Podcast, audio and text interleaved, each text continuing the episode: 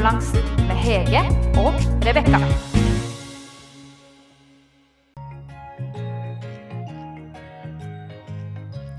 Hei, Hege.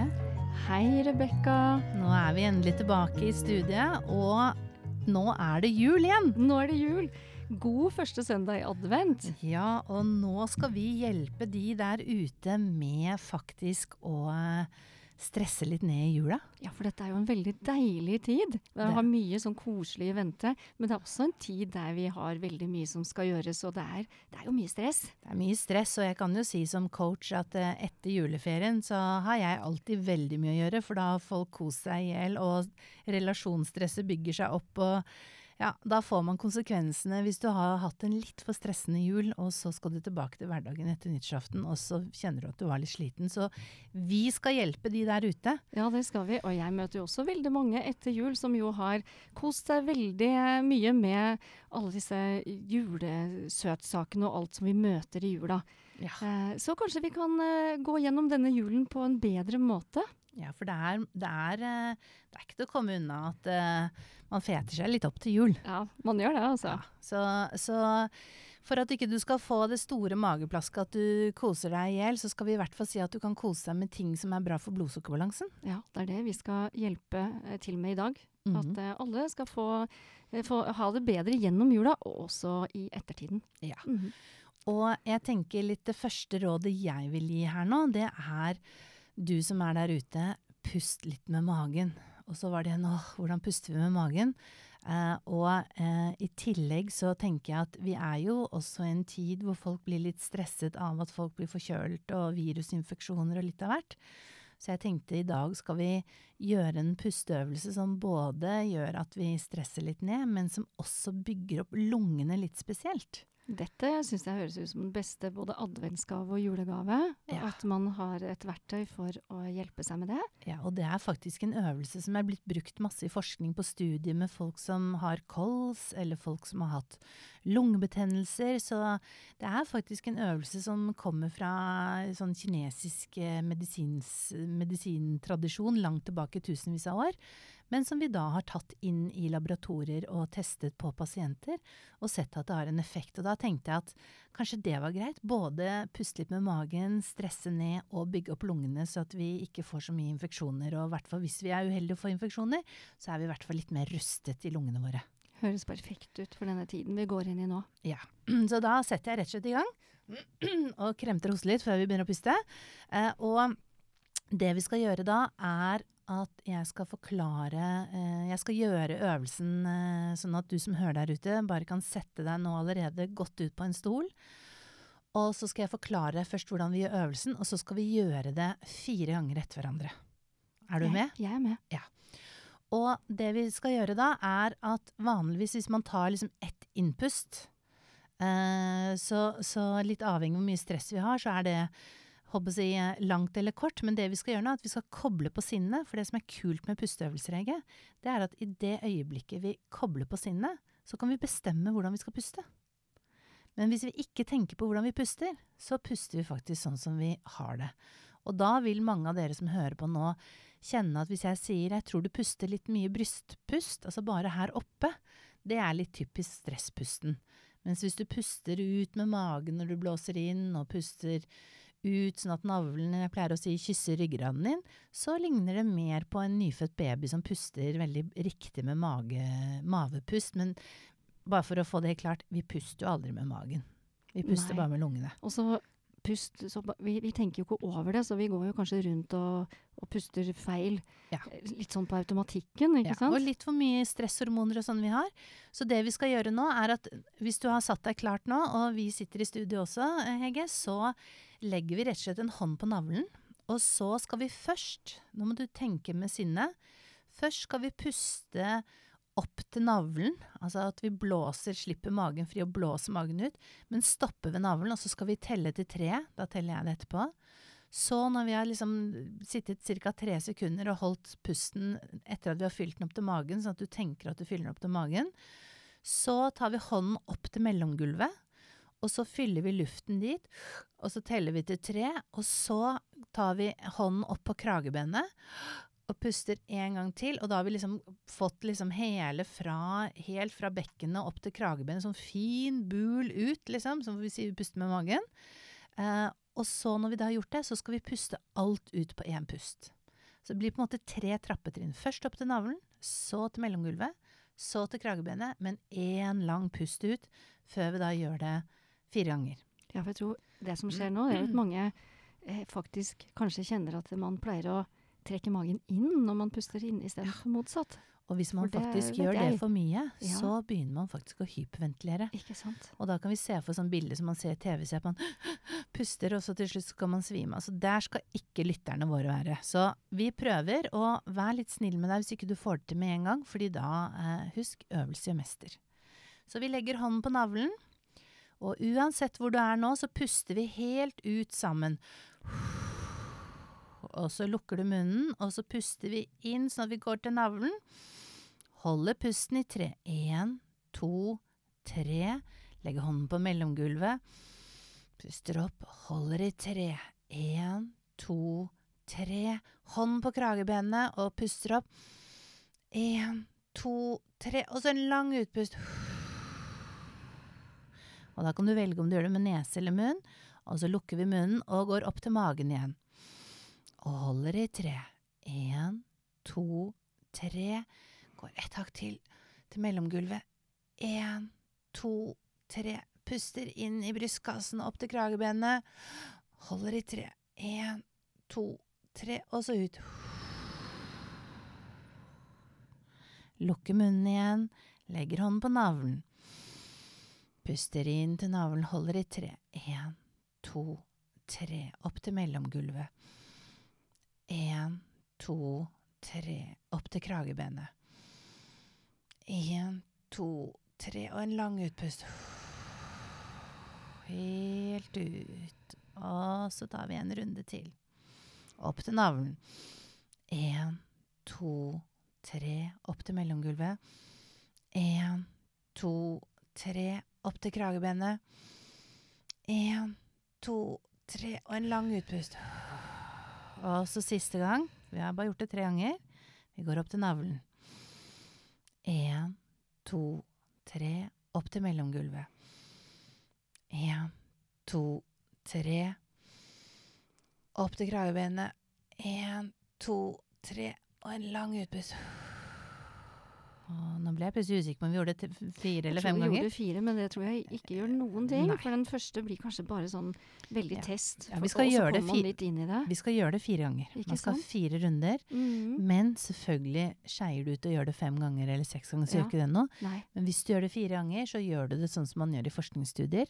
Og da vil du kanskje kjenne liksom, åh, du får liksom litt mer sånn følelse av at lungene har det litt bedre, at de liksom fikk litt mer plass i ribbenskassen. Og, Og midt akkurat som brystet ble litt større. Altså Ja. man fikk større plass der.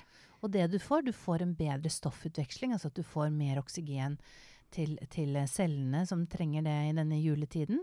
Eh, og vi får også pustet godt ut karbondioksid, og det, det er en fin balanse.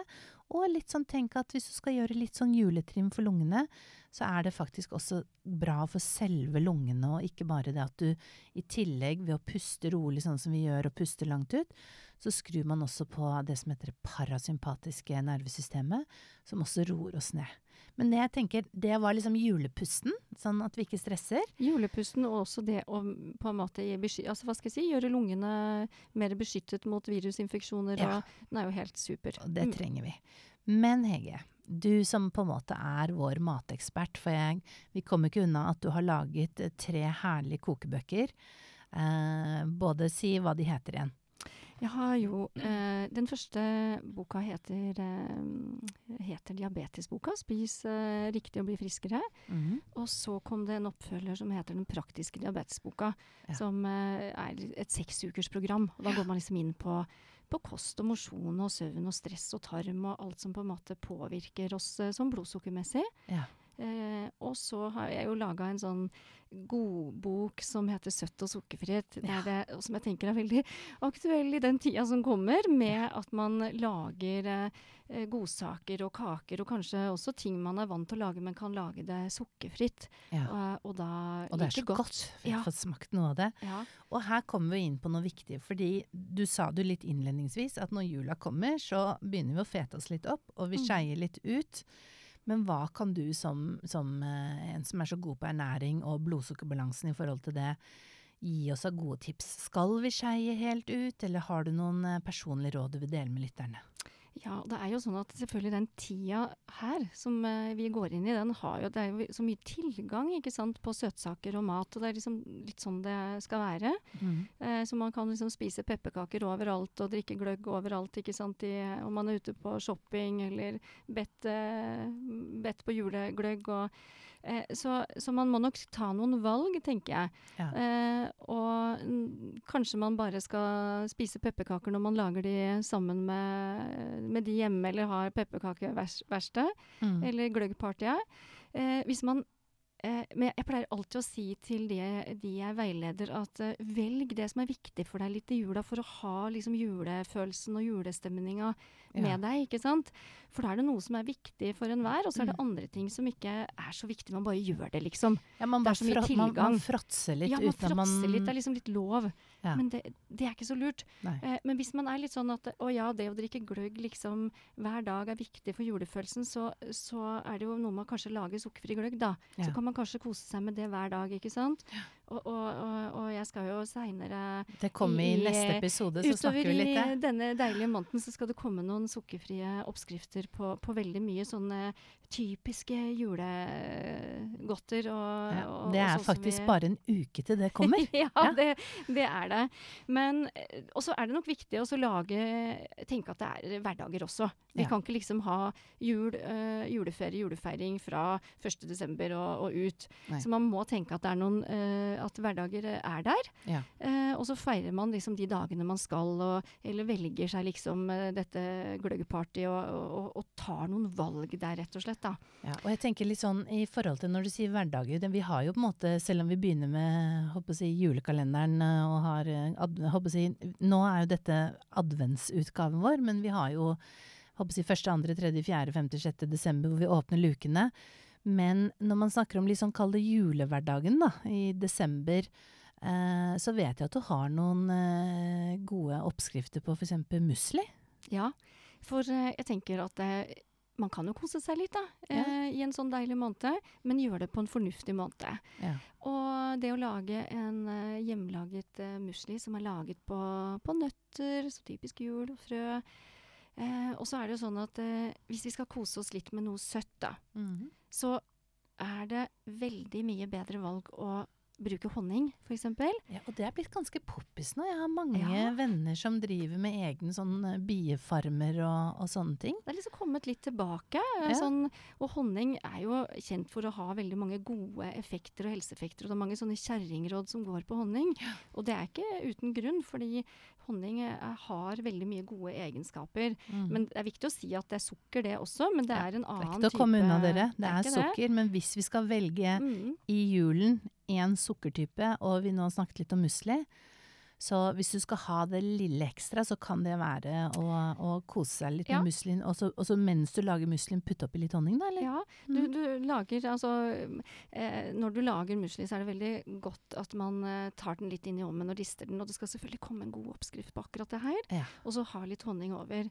Og så kan jeg jo si sånn at eh, ja, vi kan ikke spise så mye honning vi vil heller for, for, for blodsukkeret. Eh, men så man kan kanskje tenke at en teskje eh, i løpet av dagen ja. er, er en veldig fin eh, en fin mengde. Mm. Men, eh, Men du putter muslin Nei, du putter honningen oppi muslin, eller oppå? Altså er det en Det del kan du velge. Ja. Men det kan være godt å, å ha det på en måte blandet inn inni, i denne blandingen. den. Ja, for det er litt Ja. sånn godsmak. Det kan gi god smak, men du kan også ta det oppå som en liten Ja. topping ikke sant, på toppen. Ja. Eh, dette er jo også veldig godt på en eh, ekte eh, yoghurt, da. En gresk yoghurt med litt honning og nøtter på. At man kan bruke Gresk sånn yoghurt, ja. eller kanskje Biola-yoghurt, Ja, og og så litt musli. Litt sånn mm, sunn, eh, hva skal jeg si, eh, kos. Ja. Eh, og honning som er prebiotisk og merk, det er den bare hvis den ikke blir oppvarmet øh, altså under 47 grader. Ja. Så honningen, hvis den skal være veldig sunn for oss, så må det være råhonning. Ja. Eh, Ikke og- oppvarmet. Nei. ikke Hvordan er den, står det på grader. pakken, da? Eller? Ja, det gjør det. Og det er jo liksom litt med å kanskje ikke kjøpe den billigste honningen ute i butikken, men faktisk kjøpe av Sånn som du nevner at det, nå er det veldig mange som, som lager honning, produserer honning selv, Ja. som da gjør det på, på dette den eh, gode, gamle måten. gode, gamle måten. Ja. Eh, for eh, honning er prebiotisk. Det betyr at den eh, er veldig fin for tarmen vår, lager gode tarmbakterier som beskytter oss. Og det gjør igjen at vi har bedre blodsukker og, og har eh, en eh, bra eh, insulinproduksjon. At ikke dette systemet ikke sant, er litt ute av spor. Ja. Og det kan lytterne høre på våre andre episoder. Vi snakker litt om hva egentlig blodsukker i ubalanse gjør med kroppen din. Mhm. Men man pleier jo også ofte å si at eh, hvis vi tenker at liksom utskeielsen her er liksom å putte honningen Man kaller jo ofte honningen for naturens antibiotika. Mhm. Så den er jo litt bra mot eh, bakterier. Ja, og jeg, jeg opplevde som, eh, som eh, tenåring å få ansiktet mitt eh, forbrent. Oh, ja. Ja. Og da var det jo i Det ser jeg jo ikke. Det har du jo ikke noe merke Nei, på det. Nei, ingen merker på det. Jeg fikk angradsforbrenning i ganske store deler av ansiktet mitt. Ja. Uh, og jeg kommer fra en familie der uh, alle sånne kjerringråd eh, var veldig viktige. Og jeg ble smørt inn med honning. Eh, og, og ja, eh, jeg, jeg tror at det faktisk er med på at jeg eh, ikke har arr, da. Eh, og den er, så- sånn som du sier, veldig rensende, og, Ja, ja. men er god for Og hele kroppen egypterne vår. badet jo i melk og honning. Ikke sant? Og det er jo litt sånn hvis vi tenker på juleevangeliet og Ja. får litt julestemningen og Så jeg tenker sånn eh, Det å på en måte eh, Ja, eh, skeie litt ut i julen, Mm. men når du skeier ut, ta de riktige valgene. mm. Og holdt på å si, pust litt med magen, og hold eh, lunger friske mot bakterier og virus og god stoffutveksling. Spis eh, litt honning oppi muslin, og bruk naturens antibiotika. Eh, jeg tenker dette her er litt en sånn god start på, på eh, julen og første advent, jeg. Det er helt enig, Rebekka. Jeg tenker eh, det var kanskje det vi egentlig rakk i dag, men hvis du eh, har lyst å få oppskriften på Heges fantastiske musli, så er, ligger den på livslystmagasinet.net, eh, hvor du også kan eh, få beskrivelse av øvelsen. Og så kommer vi tilbake om en uke med enda flere råd, og da skal vi inn i gløgg og julegodteri, var det ikke det? Vi skal inn i gløgg og julegodteri, og jeg kommer også til å eh, si at det kan være lurt å lage seg en litt sunnere surkål enn det Ja. man pleier å oh, Å det gleder gleder jeg meg til, for jeg er jo jeg er halv berliner, og da er surkålen ganske viktig. Sauerkraut. Ja. Så da kommer vi tilbake til surkål og godteri og litt av hvert eh, i neste program. Da tar vi på oss den røde leppestiften igjen eh, neste søndag. Det gjør vi. Ja. Og du der ute, begynn å glede deg til julen. Og eh, så husk, ta med det som er kos, og dropp det som stresser deg for mye. Ha det bra så lenge. Ha det bra.